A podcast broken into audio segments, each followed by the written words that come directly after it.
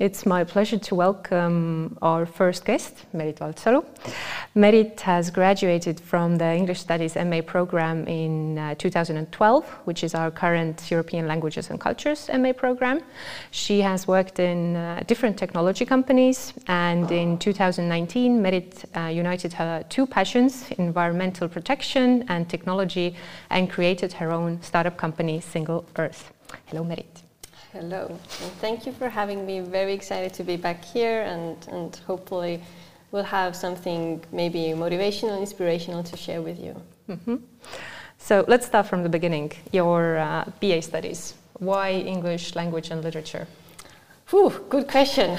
So, um, so why did I choose that? I was actually quite uh, confident, or like kind of I knew that I'm gonna go and study law, like until I actually graduated from high school, and then at that point I was like, but I don't want to study law. And, and then I looked at my basically the um, the exam results of the high school uh, final exams, and then like I scored the highest uh, in English, and then I kind of thought that maybe this is this is the thing for me, and I was kind of like didn't know what to expect, didn't know uh, why should I study that. But then again, I didn't have a clear answer to why not. So I kind of thought that like, like it was my favorite uh, like thing to study at high school. So why not continue doing that? So like language and you know yeah, culture, all of that related. So, uh, so I think that you know I didn't have a very clear understanding as to like why should I do it. Um, like potentially was imagining that perhaps I'm then going to be an English teacher at some point. but I was like, uh, yeah, an 18 year old just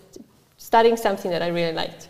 That's great. Yeah. So, did you go uh, fully for English, or did you major, uh, minor in something else as well? I did minor. I, I minored in um, it was uh, PR and communication or journalism and com communication. So uh, so I studied that as well. Um, yeah, and I always like kind of have loved the feel like, like combining writing skills, reading, writing, and like combining all of this together. So I kind of like thought that if I learn how to do that uh, in a very systematic way, like like they do, do teach you to do in the mm-hmm. journalism studies, then perhaps there's something uh, good that can come out of this. But again, I was like just curious to see how that would work. I first, I think like for some time, I considered maybe I should continue studying uh, there after mm-hmm. graduating from the BA studies.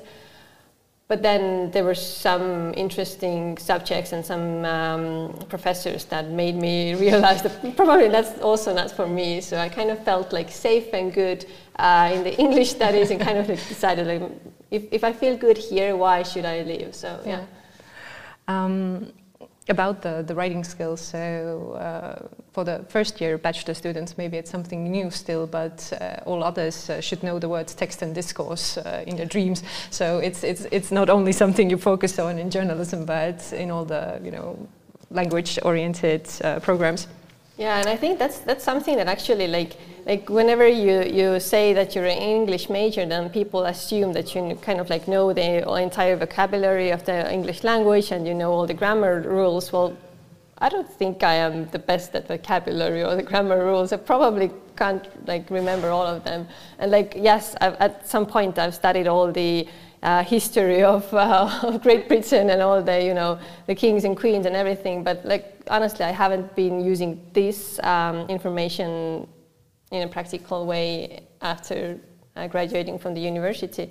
But what I have used and what I use actually, I think, on a daily basis is uh, writing texts. So kind of like having the, the, clear understanding of how do you put out messages, like how do you, what, what kind of words do you use, what, what is the context around everything that you say, like targeting your messages to audiences, understanding their how they look at it and what they want to see, and, and kind of I think like this is something that it's probably hard to understand while you're studying uh, this, but when you go out into the real world and you understand that there are so many people who don't know how to write good texts, it's, like unbelievable. People struggle so much to, to uh, like, like even like very small texts, like where you actually you are like the, the I don't know the the expert in something, and you don't know how to give that message out uh, to, to the reader. So, so there's a huge lack in, in, uh, in people's like ability to uh, write comprehensive texts and even more so to, to explain uh, that uh, in, in you know, regular discussions, giving presentations.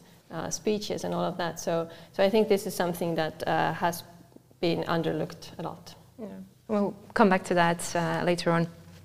Um, before you went to your MA studies, um, do you, did you also have any other thoughts? You, you mentioned the different major, but I don't know, gap year in Australia, for example, or just you know taking a break and then continuing, or was it a like a solid choice? I'm, I'm going to go for it.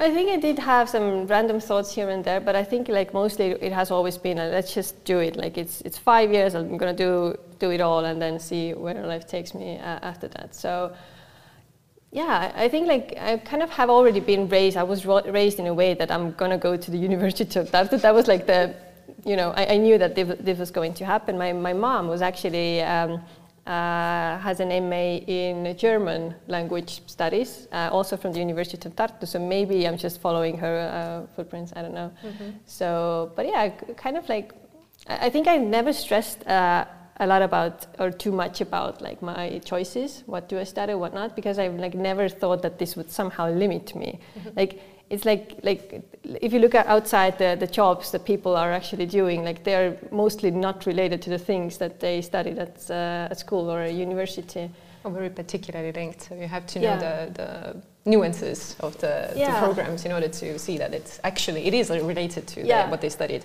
but maybe yeah not as strictly as teacher training program and exactly. working as a teacher, so or baker, you know, and yeah. working as a baker. Yeah. I think there is just a very limited amount of uh, like jobs that are actually related to the particular uh, career or the like the, the, education you're pursuing. Or the title of your program. Yeah. Let's call it like that. Makes more sense, maybe. Yeah. Yeah. Yeah. All right. Um, you st started out with a wish to become an English language teacher but then you graduated from something else. What happened? so what happened? I actually completed the entire like English um, teacher course. So I took all the courses and I completed all of that uh, until like up to the point where I was supposed to go and to the like the test uh, lessons at school, and that was the point when I realized that I don't actually want to go there. that was like like like yeah, it was like the how do you say it, like the twelfth hour, and then I decided that I need to switch to uh, program because I didn't like that's when I understood that okay I, I love English um, like the studies and all of that but I don't want to be a, become a teacher. I, I, don't have this in me to go in front of uh, children and start teaching them. And so I decided to um, switch to uh, the other program which was as I don't know English studies English studies yeah. Mm-hmm. so without any particular like you know vocation. vocation after that. So uh, and while I was doing that, and I kind of like, like in very practical terms, I, I, understood that it's not a very wise decision. Like you have an option to to leave the university with a very particular skill set that you can start uh, using to work somewhere. But then again, like I wasn't stressing about that too much. Like like I, I thought that this is something that I want to. I enjoy studying, so why not do that? So so yeah, I think looking back, it was a very wise decision. Otherwise, I think I would have limited myself into uh, the one uh, vacation that mm-hmm. this would um, have basically given me. Yeah. So before we uh, move on to questions related to your work, um, what's your most vivid memory of the university studies? Very good question. I think I had a lot of fun during the uh, studies. So like during the bachelor's, I wasn't like the straight A student at all. I was like mostly like combining uh, my social life a lot with the university life. So that was a, a big focus of that period. In my master's uh, studies, I already like kind of like started to take everything more seriously. So I was like leveling up my studies and all of that was coming um, a lot more better. Um, so I think like the social life was absolutely like hilarious during the time. So I really miss that. Mm, uh, I think there were also like some legendary, you know, courses that you take, uh, mm-hmm. literature and you know history and all of that. So um, so I think it was really cool to kind of like push our, um, myself through these things that are like super difficult to grasp, but then you just get the feeling of achievement when you actually pass the exam and, and all of that. Um, then I think like one of the funny memories is that like I tried to cheat actually twice. I failed miserably, not because yeah, like I first the first one was like me and my best friend we were studying together. So the first uh, attempt was uh, when we had like this whatever papers written, and then we came to the exam and we were like, "Did you take the, the, the cheating notes? No. Did you? No." Then we ended up going to the exam without the cheating notes, and the second time was that we actually had them with us, but we didn't have the courage to take them out. We were like so super scared that we decided we can't do that. So so yeah, like never throughout the five years, I never cheated because like I just don't have the guts to do that. great, great example. Thank you for sharing that. so um, people, well, you mentioned the social life and everything, and I, I know you also had a, a tight group uh, during your studies, a tight group of friends. Um, uh, sometimes, you know, we do say that people sometimes make their best friends at university or uh, create, you know, contacts that will later benefit them in uh, their working career. So, have you had the chance to work together with some of your fellow students? I did actually. Like the first job right after I graduated from the university was uh, in Raintree Estonia, which is a tech uh, company that provides or creates uh, medical software to the U.S. Uh, market and uh, there was a team that was led by uh, an English major. So uh, she had graduated, I think, a year or two before me. So she was there leading a documentation team. So um, and she was looking for people who can write English, basically like user manuals uh, for the software. And then I applied there, and she was like super excited to have another English major uh, to join the team. And then I uh, worked there, I think, for a year or two or something like that. And that was like my, my first step into the uh, software or the tech industry. So um, yeah, and I think it's a it's a very like um, it, it's a position that is uh, existing in most tech companies. So whenever you're like creating some software, some tools, then you need to create some uh, support documentation to that. So basically describe what the um, software piece does, how people can use it, and, and all of that. So there are like dedicated people who are writing that. I also know that like it's, that's one of the jobs that can be actually done remotely across the world. So there are a lot of like these uh, small time or part time gigs that you can do. So uh, you can basically, you know, this. Um, what are the platforms like? Um, where you can post your uh, your skills and then you can get some mm-hmm. random like these gigs then you can basically do documentation for some soft companies so that's like i think that was like the, the first step um, for me into the technology sector. And then i kind of like learned about how the entire tech industry works. Like what is what is software development? How do people come up with this? Like what are the different procedures there? So i was uh, talking to um, the developers the product manager and all of the people there because my my aim there was to learn how the technology works and basically write user manuals based on that. And it was a very super straightforward task. Mm-hmm. like you have to just go through use it uh, use the technology and write down how, how you, whatever you have to do step by step. And it kind of like sounds like a super easy thing to do, but, but it's like pretty tricky to have like very complex systems and write them down into very easy and easy to understand steps. So I think it's like, that was the, um, that was the, um, the, the, kind of like the task or the, the period when I learned to have very concise uh, messaging. Like I, I, think I nailed that. Like uh, and, and, I think this is something that I've taken uh, from there to, um, to to my other positions and writing uh, tasks as well. So so you don't have to have all that fluff and this beautiful, you know, beautiful messages and, and texts and all of that that you probably are more into while studying English uh, here because you have the literature and everything, and everybody's using this amazingly beautiful language and all of that. And you go to the job where you're asked to like have the simplest. That just can you have a simple sentence describing what that piece does. So, but I think it's actually very useful. Like you don't always have to have like this craziest vocabulary in all of your sentences to feel like or to sound very professional. Uh, were you and uh, Helena, right, uh, the only two English majors at Raintree at the time? Uh, yes, I think so. I think so. Yes, I think, and she was actually uh, she was leading the team of uh, like the documentation team, but also the the testing team. So she was also like more into the tech part as well. So she was writing the software testing procedures.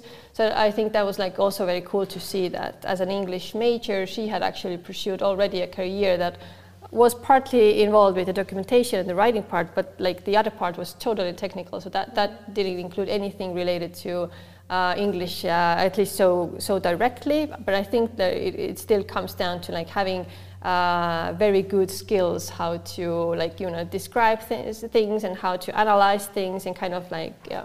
Yeah, critical analysis. Yeah, so exactly. both of the so any type of information actually that you get. So discourse analysis, basically. Exactly, exactly. It all goes back yeah, to that. yeah. yeah. So we, we can't escape it. No. Mm, um, the question always, if you mention that, okay, my background is, for example, English studies, but I work at a tech company. Did you have to learn programming? No.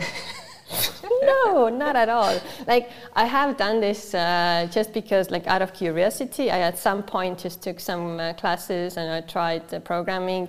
Um, like but I've also tried different other things. So, for example, just out of curiosity, I, I studied financial analysis at some point, um, and all of this. But this isn't like it, it, Like it's definitely not a requirement. There are so many non-technical skills. Like developers are just like like you know one team in every company. Besides that, there's like product managers who kind of like understand how product works and how this should be planned out and all of that. Then there's like entire group of people who are focusing on business development, marketing, sales, customer success, customer uh, whatever research things. Um, yeah, so there's like I think it's like in our companies, a Single Earth, uh, like these technical software de developers are like one third of the company. So the rest are all like from different backgrounds. Mm -hmm. And we mentioned the um, well, the language skills uh, coming to use actually when, for example, writing manuals or having to put it together and uh, to take the scope to a sort of wide, uh, wider range. Depending on the partner companies where they are located, this is where your other language skills may become useful. So yep. not all the manuals are written in English. Exactly. And, and any sort of in, insider knowledge into how, for example, the French market works or Spanish speaking, you know, culture, uh, yeah. cultural space works, that is, uh, that is something to keep in mind. Absolutely. It's, it's a huge part. So that was basically what I was doing at Pipedrive. So I was leading localization there, and that was exactly like focused uh, on that. So you take one uh, tool, but you want to take that to another market. So for example, like you build this to the US market, then you want to make it available on the German market. So it's not just like you, you know, you open the gates and the product goes there. You're like, there are some prerequisites that you have to fulfill. So in some, um, in some markets, uh, people would assume uh, that you have the product translated to another language. Uh, in some markets, they don't.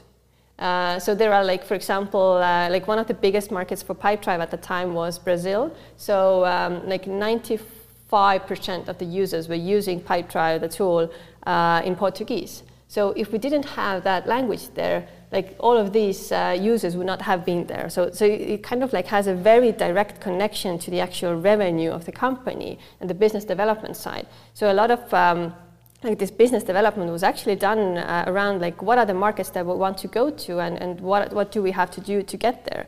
But then we also realized that, for example, in the Netherlands, uh, where like most of the people uh, have very good English skills, like they all basically, I think like 90 something percent uh, speak English, but they still want to have uh, software in their own native language because everybody has kind of uh, done that uh, for them, so they kind of just expect that. But then again, if you, for example, uh, look at Estonia, like every like we don't have such a high English skill, uh, although like most people still uh, still speak that. I think it was like less than 50% who were using the software in Estonian. So it kind of like you have to have like not just it, it's not about just translating the uh, product into another language. It's, it's kind of like understanding like what's the uh, what's the image of English language in that country. So that's uh, like an interesting aspect. You have to understand like whether it's perceived as something uh, like cool. You, you have like it's it's like more quality if you have it in English, or is it something that like it's not local? I don't want to use that. Like it's it's, it's a foreign thing. So there are like these cultural aspects to that and then like all this uh, you know this very nuanced part like how can you translate uh, um, a piece of software into another language that has like multiple i don't know different whatever variants in the language? So it, that doesn't align with the english grammar rules. So and i think this was something that kind of like helped Pipedrive to scale in the markets that their competitors didn't scale because they, most of the competitors came from the US mm-hmm. and they never localized any, into any other languages. And I think that's something um, uh, like people from a small country like mm-hmm. Estonia, people understand that like not everybody speaks English, and then we have like other languages uh, as well. So it can be a huge competitive advantage uh, for a company to have all these things um, translated into different languages. Mm-hmm. So yeah, it, it's like it, it's a huge topic. So it's the, it's the software, it's the tool itself, and then all the marketing around that. So yeah. Yeah, yeah sure. Question. Uh, you mentioned the linguistic uh, side of things. Uh, is it also important to understand the cultural differences? Uh, the cultural differences, like uh, you mentioned Portuguese and the Netherlands, not only the fact of uh, how image, uh, what's the image of the English, but doing business with Portuguese or versus doing business with uh, people from Netherlands. Yeah, yeah. Um, um, there are like huge, uh, like for example, um, uh, at the time, like Pipedrive was kind of they had like this very um, friendly and like this funny way of talking to people. And then there were some messages that went out that were like sounded super rude uh, in like in Brazil, for example. So that was something that again, like like if you don't think about these things, you can like like screw things up like in a big time.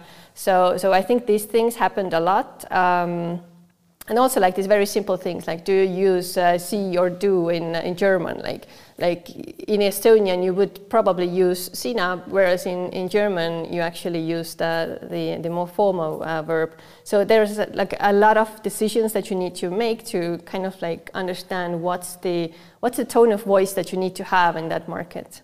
So that's really really interesting. So um, so that was the place where I understood that like, all the cultural uh, what was the Intercultural communication. In, yeah, intercultural communication. That was actually like like spot on. Like this is actually what we needed there. And, and uh, like most of the people who work um, who worked there didn't have any understanding of that. So they were just like um, sending out these messages and hoping that you know you know you throw out spaghetti on the wall and you hope that something sticks. And then like a lot of things stick but again you can get something really mm-hmm. wrong as well. There was once i think it was actually uh, like a short comment in a course of ours um, where it was uh, pointed out this very simple logic of uh, do you need to localize uh, your foreign market? Um, if the country has uh, dubbing instead of subtitles, you, you must do it. So that's a that's a good way of looking at it as well. I didn't know that hack, but yeah, but I think it makes sense. Yeah, yeah. yeah because, if you look at the Estonian yeah. market, we're used to hearing foreign languages. Yeah. We opt for subtitles almost always, um, even no subtitles in some cases, you know. But uh, the majority of Europe, even, I mean, yeah, it's, it's, yeah. They, that's, they, that's, that, that's like the Netherlands example. They yeah. they know it, they understand it, yeah. but the preference. Yeah. So so it may also come down to very very very tiny tiny details. Exactly, yeah. and, and that's when you like you, you just have to like look into the market and kind of like understand what the people are there, like what, what the people how they think and what what do they expect. Mm-hmm. So we already uh, mentioned Pipedrive and talked a lot about it uh, describe the step between working in Raintree and then how did you end up there? Um, well, like most of my career has been uh, like like just good luck. I just like have to say that like it's it's it has been me taking all these opportunities, but there's like so much good luck involved in it that so I can't like just say that I was just going through everything and I just made my career like like the, the how I ended up at Pipedrive was that a friend of mine said that there's a, as an interesting uh, opening there, so why don't you apply? So I did. I didn't actually know what localization meant at the time. I have admitted that to the founders later on, that I had no idea. Um, but I think like uh, like when you join a startup, especially a young startup, so an early stage startup, it's actually not you going there and like starting to do some uh, like a task that like somebody gives you a task and you start doing that. So, so the first day that I went to um, to work there, so I basically had the first uh, meeting with my uh, team lead there, and so I asked like, okay, I'm here. What should I do now? And he was like well, we hired you to do that, so please start doing it. And I was like, okay, I need to find out what that localization is all about. And then, you know, you start, start Googling and figuring things out. And I think like, and I think that's the thing, like startups don't hire people because of their background or experience. They, they hire people who, who are like, have the potential to grow or like have the passion to do something. So it, it's not like if you haven't like ever developed anything or you don't know any programming languages, that does, doesn't, that, that really doesn't mean anything. Like like it's like nobody expects that. Mhm. So keeping an open mind Yes. and uh, showing that you can use your transferable skills. Yeah, yeah, exactly. and you just, yeah, like, I think the thing is also you have to kind of like have this, sto- you, you have to tell the stories, like how you can use the skills that you have, and then you know you always have to sell your skills and share because people don't understand if you say that uh, I'm an English major, like what does that mean? What, what, what skill sets do you have? You have to like kind of like have like these three or five things that I'm good at writing, I'm good at you know, I don't know, public speaking and what are the other things that you can do. So I think like just saying these things is like, it helps so much. I'm good at working through massive loads of texts. Yeah, exactly, which is like a Lots of thing. information. Yeah, yeah. Give it to me. So Yeah. I can do it. All right. So um, you, you already uh, described quite in detail what your sort of regular day at Raintree looked like, uh, but uh, what a, little bit more about Pipedrive. So a regular day at the office or regular week. So as a Mm. localization head. So some some details Yeah. that would give a like a better picture of uh, if if I would like to do something similar. Mm.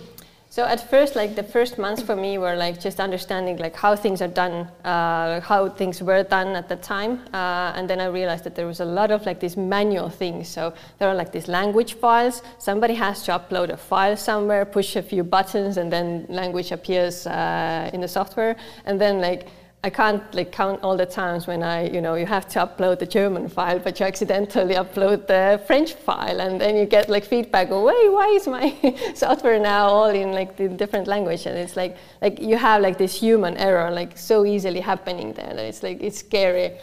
Uh, and then I realized that I have to automate this. And there are like at the time when I joined Pipedrive, that was in uh, 2014 there were just a few like these localization management software solutions out there. So I looked through them, uh, basically picked uh, one and integrated that to the uh, to the uh, Pipedrive. Uh, so I wasn't like again programming the integrations. I was basically like the project manager there. So I was telling others that we need to have a software solution like this, and then other teams were implementing that. Um, and how it actually ended up working was that. Um, whenever something changed in the uh, in the tool, then I would have like this big dashboard when I have all the languages that we have uh, translated the software into, and then I see that okay, German is now 98% instead of 100%. So I know that something has been uh, updated there. So I go in uh, and I send the updates to uh, our translators. So we were outsourcing at the time. Uh, now they also have like German translators in house, and I think a few more. So um, and and having like this in-house translator is actually like super like important if you change a lot of things. Because like it hap- happens like really often that you know the marketing team comes up with a new you know tagline that they want to implement today in the main page. And it's like well we have like 10 languages that we also need to translate into. And it's like you just have to call all your friends who speak different languages. Can you please translate this sentence for me right now?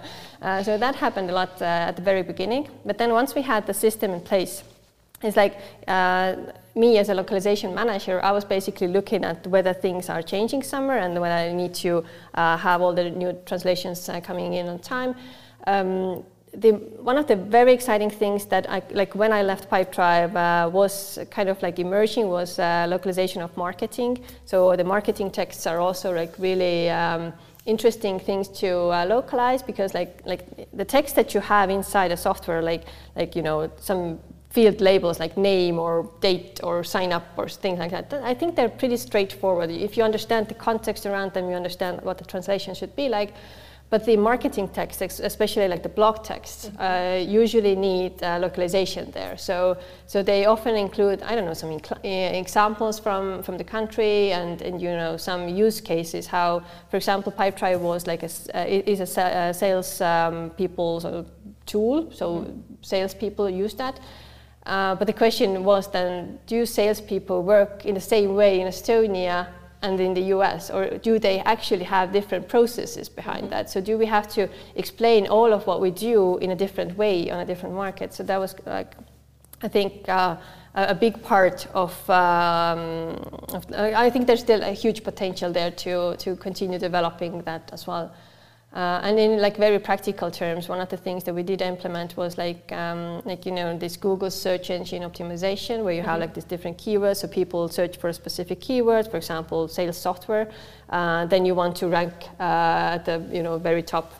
Uh, and uh, most companies focus on, on English only, mm-hmm. but there are so many countries that like are big enough on the languages that people are actually using this, searching for the same terms in Portuguese, for example. And very few competitors had ever uh, localized their keywords as well. So why not like have that as well? So. So it, it's like partly very technical in the sense that how all this content is created and what is the keyword uh, research behind that but there's uh, it, it's it's really really cool. I think it's cool because it like it's it's hard to grasp how big of an influence this can have on the actual company's revenue stream mm-hmm. if you do the content writing and the localization rates. And you have seen that several times. Yeah. For example, either Raintree or Pipedrive. Um, is it, is it a trend actually that uh, you offer mm. more like is it in-house training or is mm. it more like uh, just uh, focusing on um, good internal communication that you know people know what they have to do they so just to, to get an idea of what the um, sort of the atmosphere is at uh, mm. such companies uh, I think it uh, depends a lot on the stage of the company. So when I joined com- uh, Pipedrive, I was uh, employee number 34. So now, now they have like, I don't know, 900 or something like that people. So back then, uh, I can't say that we had too many internal like um, uh, internal like i don't know some lessons or educational stuff happening there because everybody was trying to figure out what they have to do. So that's the mentality in most early stage startups. So you go there you have to figure your way out of there. Like you have to figure out the things that you need to do uh, and everybody has to be aligned a lot on the like usually companies have like this north star thing like is it like we need to increase our revenue or the number of users? So everything that you do even when you write content or localization you kind of have to align your activities towards that. Like is the blog post that i'm writing today uh, does that have like the potential to grow our user base uh, x amount during the next uh, 12 months or two months or something like that?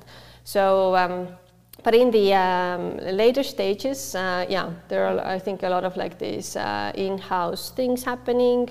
So I don't know, starting from language trainings and, and all of that to, to just you know knowledge sharing so people kind of like i, I remember myself doing uh, these uh, localization trainings at some point at pipedrive because we had a lot of new people coming in and i kind of had created like a systematic way of how to explain what is localization why do we need that especially to people who have never like uh, they don't have the linguistics background, so they don't, they don't understand that language basically, is basically like, the starting you. yeah, it's like it's like like languages aren't the same. It's like the first thing. Like you have to understand, and everybody's like, "Oh, no way! Like how can it be?" Like uh, you bring like these easy examples, like the plural forms in uh, in different languages. So some have like multiple forms, some have just one. So everybody's like, "Okay, wow!" didn't like expect that this would actually have an impact on building a software piece, or like how do you label the uh, fields in a, you know in a tool. So so it, it actually has like these technical parts in that. Um, but yeah. Mm-hmm. And it's um, it's great uh, what you mentioned that it brings um, back to the fact that you know Estonia is small. We know how to expect these things. We, we know these things that you know languages are different and uh, not everyone speaks Estonian, so we have to uh, reach out in different ways. So and uh, if we come to startups, um, it's really hard to uh, think of one that is only specializing on Estonia.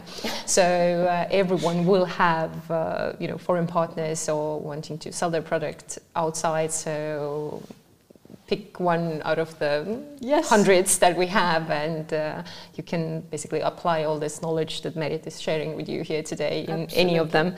So. Um, before we go to Single Earth, uh, was there anything else between? Uh, yeah, there was actually, um, I've been a content writer at Klaus as well. So Klaus is also like, um, uh, I don't know, early stage company here in Estonia. So they are basically building uh, customer service uh, feedback tools uh, for, for, companies. And they have like this very cool brand. So they have like this cat brand and all of this happening there.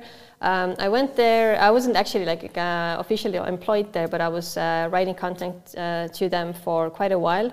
Uh, and that was my like my first ever uh, content marketing job and this was like when i was like my only task was to write blog posts and i was writing like um, one or two uh, new blog posts every week. So that was my, my big goal. Um, and, and I was, and, and that's when I kind of like started to learn more about how to have like this very technical SEO, which is the search engine optimization things uh, included in like this, you know, nice text writing. Um, so that's something that is like hugely valued. Like, like SEO and content marketing are like like if, if you nail this then you you're not just like uh, successful here in estonia it's a, it's a global skill like that everybody is looking for so why seo is super important for growing companies is that it's for a company it's very uh, actually like cheap thing to do in a sense that if whenever you start ranking with a with a very good keyword, mm-hmm. this is there like you write this blog post once and you continue to be there uh, in Google. Like people can can find you easily, and this is um, like you know it can be like up to half of your revenue stream mm-hmm. can actually come from this organic uh, organic reach. So, so this is again like um, companies like Klaus and, and, and Pipedrive have had a huge part of, of uh, their marketing focusing on organic growth and, and all this content writing. So, so yeah, it's like I, I, think this is exactly one of the skills that should be taught uh, uh, to all uh, English majors. So to understand how SEO works and how to combine that with like mm -hmm. good mm-hmm. writing skills. Yeah once it's out there, the, the tiny web spiders just won't let go of the information, yeah. so it, it sticks. Yeah, so, but yeah, I agree that um, SEO is something that is um, well, it, it, it is uh, being like preached all over the place, but. Mm, and uh, even we have even in-house training here mm. at the university for employees, but it's still it's really hard to grasp. I mean, it's something mm. that I mm. have to do when writing our text, yeah. but it's um, it's it's not that easy as you think that you're just I'm gonna you know put those keywords in there. If, even if you don't know what the exact keywords should be, it could be something that you you know least expect. Uh, mm-hmm. it, it could be something entirely else. So it it does take time and practice. Yes, a question. What?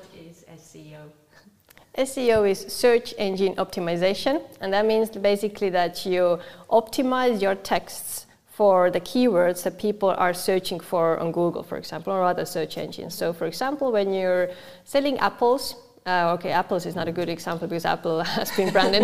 but let's say you're, you're selling like oranges, um, then you want like if somebody is googling oranges or where to buy oranges, you want to be the first that they find there. Um, and it's, it's not something that happens like randomly, like, like Google never picks random uh, articles or, or, websites to show there. So it's actually like usually if, if you rank uh, at the, I don't know, top one, two, three, four, five, it's like huge work uh, to get there. So it's, it's usually, it takes a lot of time. So um, most SEO um, uh, like the strategies are like 12 and 18 month strategies. So you first you, you start with actually the mm-hmm. same thing. Like you start with uh, keyword research to understand like what are the keywords that my my audience is looking for. So you don't actually know that because like like you have some idea what of what you want to put out there, but you don't know how people are searching for that. So it might be like totally different things. So maybe it's not oranges that they're looking for. Maybe they're looking for I don't know some fruit. Uh, and, and, you have to understand that maybe I should rank with the fruit uh, keyword instead. And, and you can't trick SEO. And it's not like you will, you know, copy a text in a white font on your yeah. uh, web pages, orange is saying everywhere or something. Google will know. Yeah. So, uh, and it, it, literally has to be organically in the text. And uh, depending on the language, um, I don't know how, how clever, for example, it's become now with uh, with Estonian, so the case endings and all that affects mm. it. So uh, with English, it's easier, but uh, well, it is also you know growing and developing, so it's becoming better. But uh, yeah, so yeah, that's that's a whole other other lecture, I think. That's that's a huge lecture, and it's like so important because like it's it's really a skill that like global mm -hmm. companies are paying a lot we can uh, we can discuss later about uh, implementing something into our program. That's like one of my questions. Yeah. which courses do you suggest? yeah. yeah. yeah. we will talk about that later. yeah. Uh, so um, you mentioned Klaus. Uh, so let's move on to the, the, the, the big elephant in the room, single Earth. Can you show your T-shirt to the yes. to the room, please? May the forest be with you. So. yeah. So how did that happen? Why did you leave Pipedrive behind and uh, how the idea, all of it. Tell us a little bit. So the idea started in 2019. So um, I looked around and I saw that well, there's a lot of intensive forestry happening here in Estonia, a lot of uh, forest clear cuts, and this is something like the environmental topics, and you know all of this has been like very dear to my heart all the time. But I never actually thought that I could like work in this field because I, I didn't study anything related to Forestry. The, forestry or the environment or biology or anything like that. So I kind of at, at some point I was actually like, well, why I, why didn't I study something like that? But I think that's that's the fate. Like uh, I was supposed to find that uh, in the way that I did. So basically, uh, we started looking into like why do we have such an intensive uh, forestry happening here in Estonia? We saw that it's not here in, in, Estonia only; it's actually a global problem. All kinds of land use that is super intensive, deforestation, wetlands being uh, dug up, and all of these things. Um, and we started looking into like what can we do to make a change. Realized that the problem is in the business models. So uh, landowners only basically earn money if they extract raw material from their natural resources. So if that's the problem, then this is what we need to fix.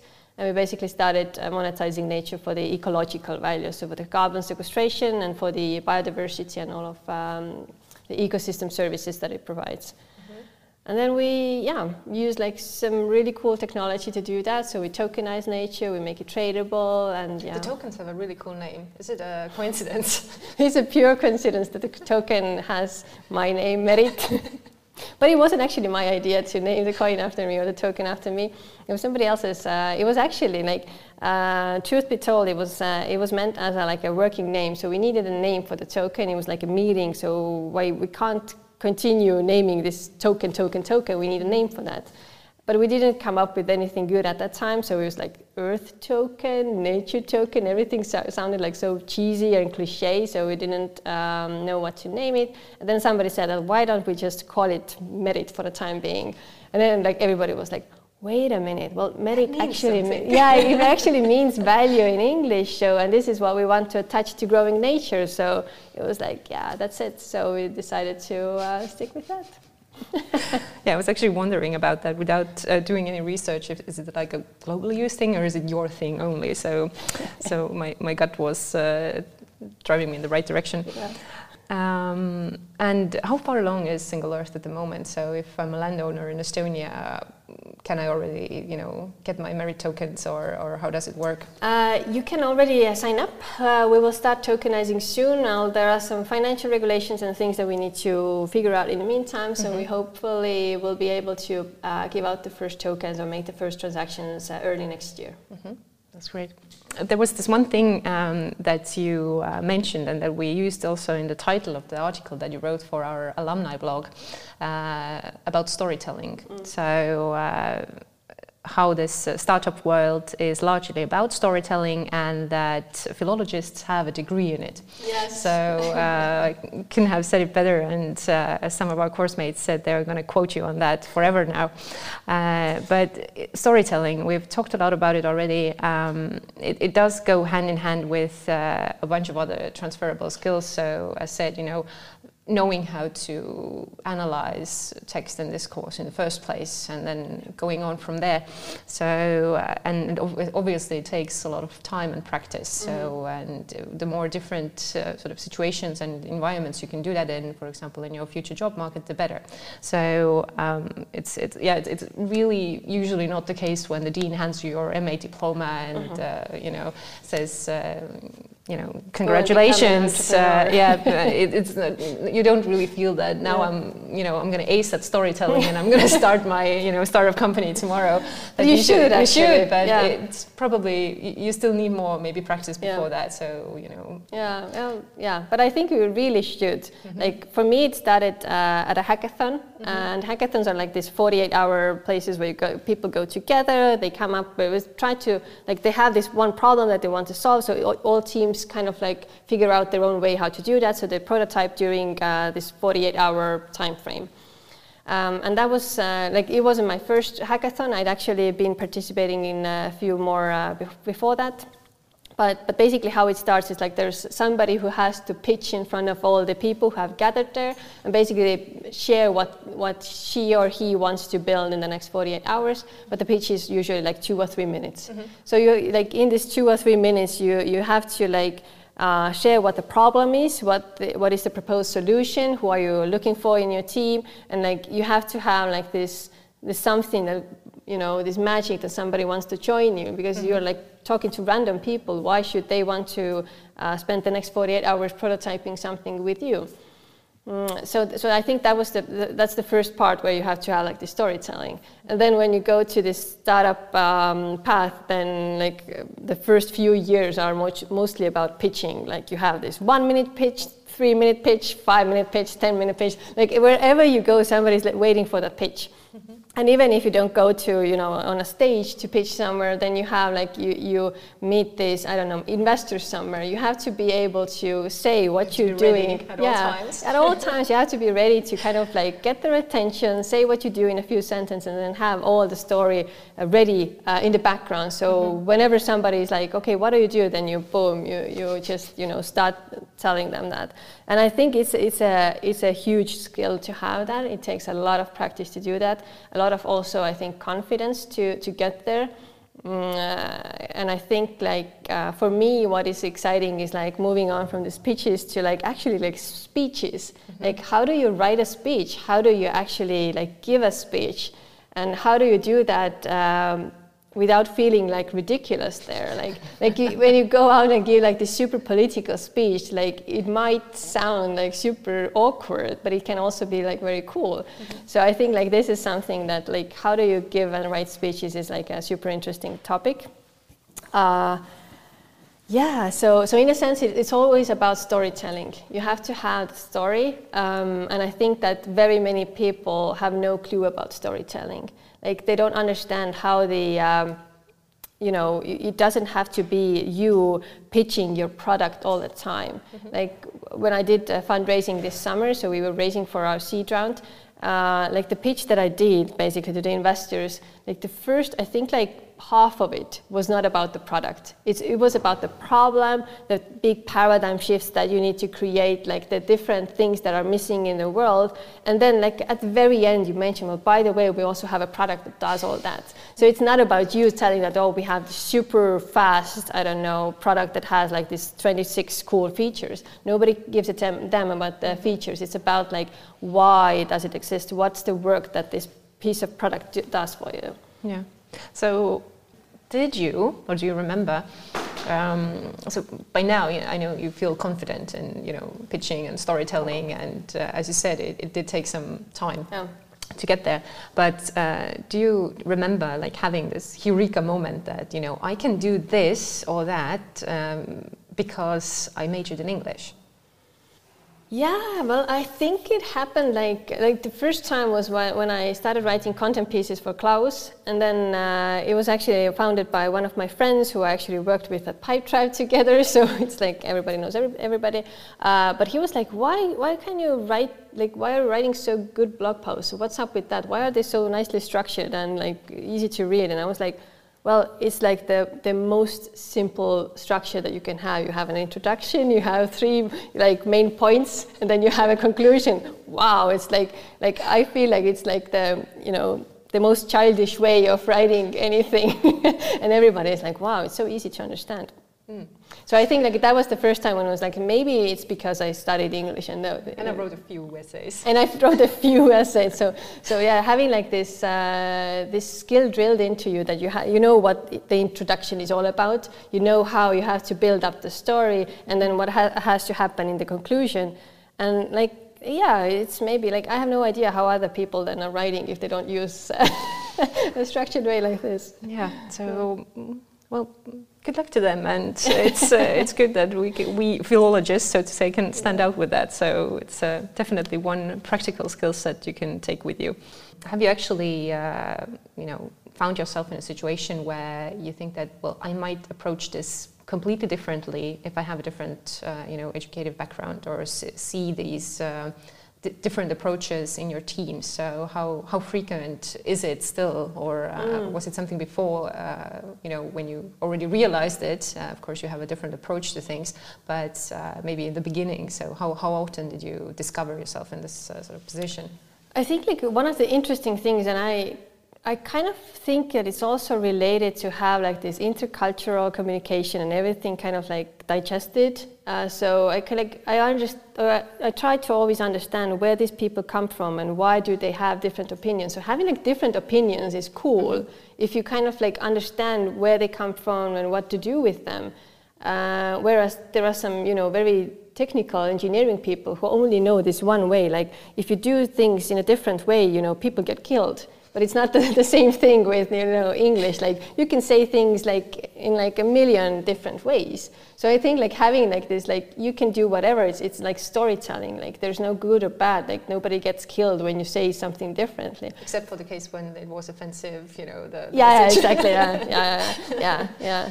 But I think like that's like kind of like yeah taking things lightly and like understanding like there are so many approaches and so many things to saying things uh, yeah. Like and i think it's like all the communication like with different people with different audiences you kind of like have this um, quick pre-analysis of okay who is this person? What what is their like what are they looking for? And kind of like you you constantly rewrite these messages in your head because you understand like okay the audience changed. Now it's an investor. Now it's a journalist. Now it's somebody else. Mm-hmm. So um, probably the question in all our students' mind now is, um, for example, if they would like to be you someday, what uh, what advice would you give them? So where to start, for example, if uh, I'm wrapping up my BA or I'm in my MA studies and I would like to, you know, get a traineeship somewhere mm. at a company or, for example, at Single Earth. Uh, what how, how do I start out? It's not like you go to the website and see offers on traineeships like we're we're hiring trainees. Uh, so so what um, what what what should I stress? You know, how should I approach?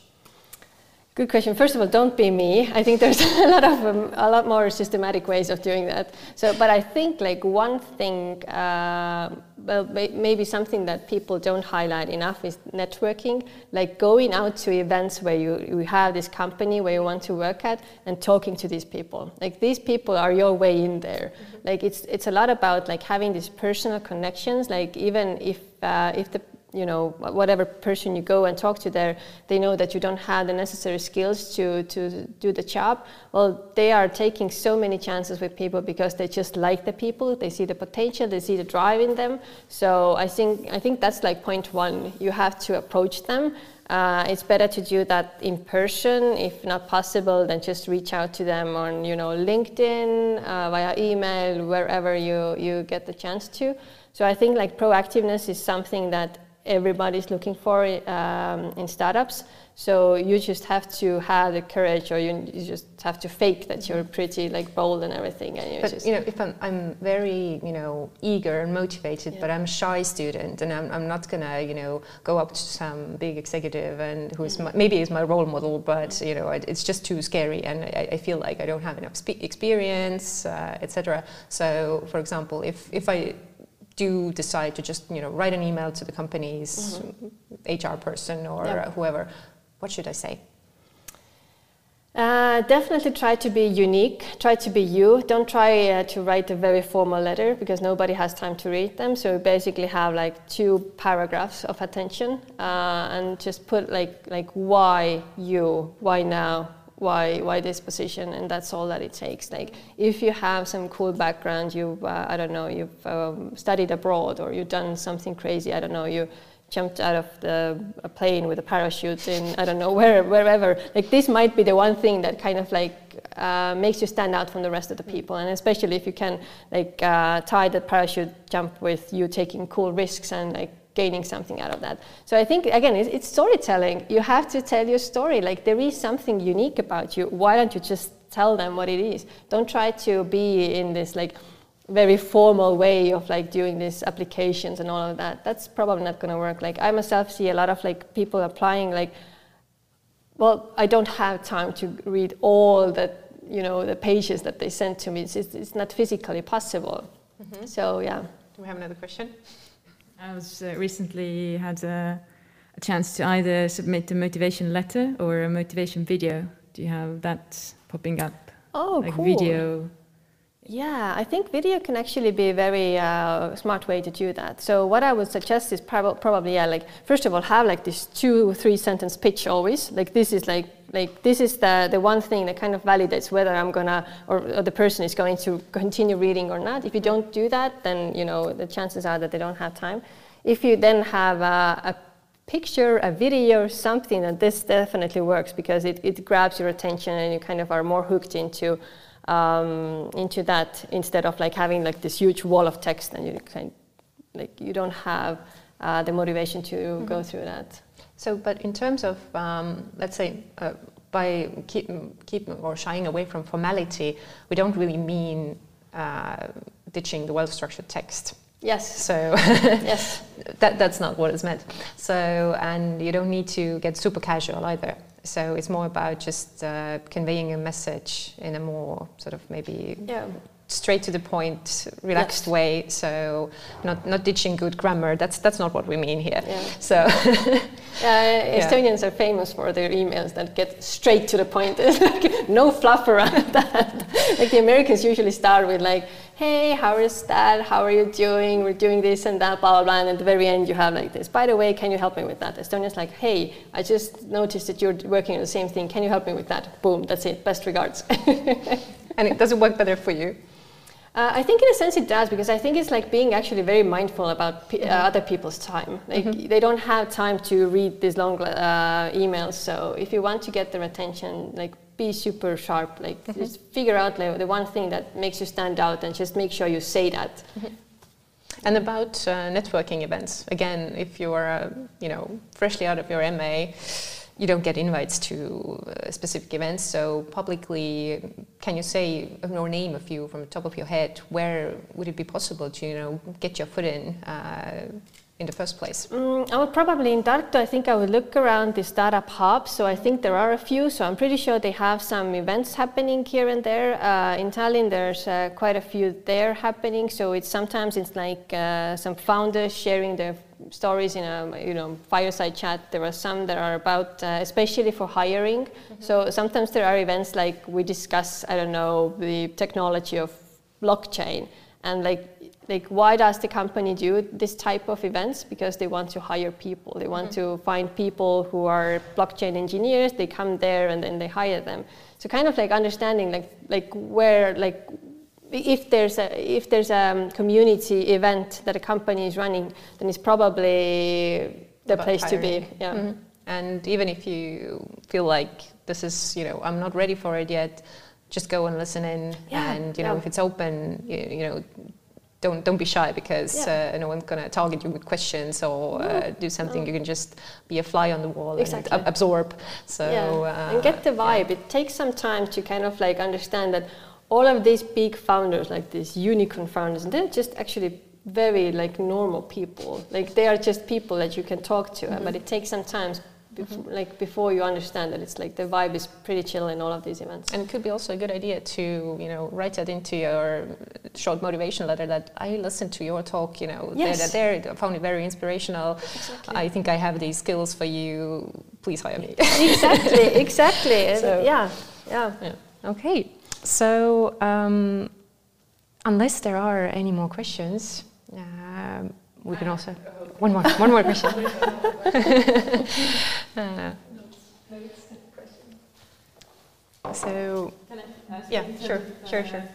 Hiring, merit. What are you looking in in the people you hire? Yeah. So uh, in the people that I hire, like uh, I'm looking for passion for uh, for the environment. So this is like the one thing that I always uh, ask about. So what is your connection with the you know the environment? How do you feel about climate change and all of that? So this is like the one the one one value that I'm looking for in all people. Uh, the other thing is that I kind of like I'm turned off by people who don't have any passion. So this is my thing. Like I, I know that there are people who like don't care about that. That they see the skill set and that's fine for them. I kind of like find it hard to hire people who I have a feeling with that they are not applying to to single earth. They are just looking for any job. So I think like you have to be like super personal and kind of like understand like what makes this company special and why should you know what are the things that you need to point out.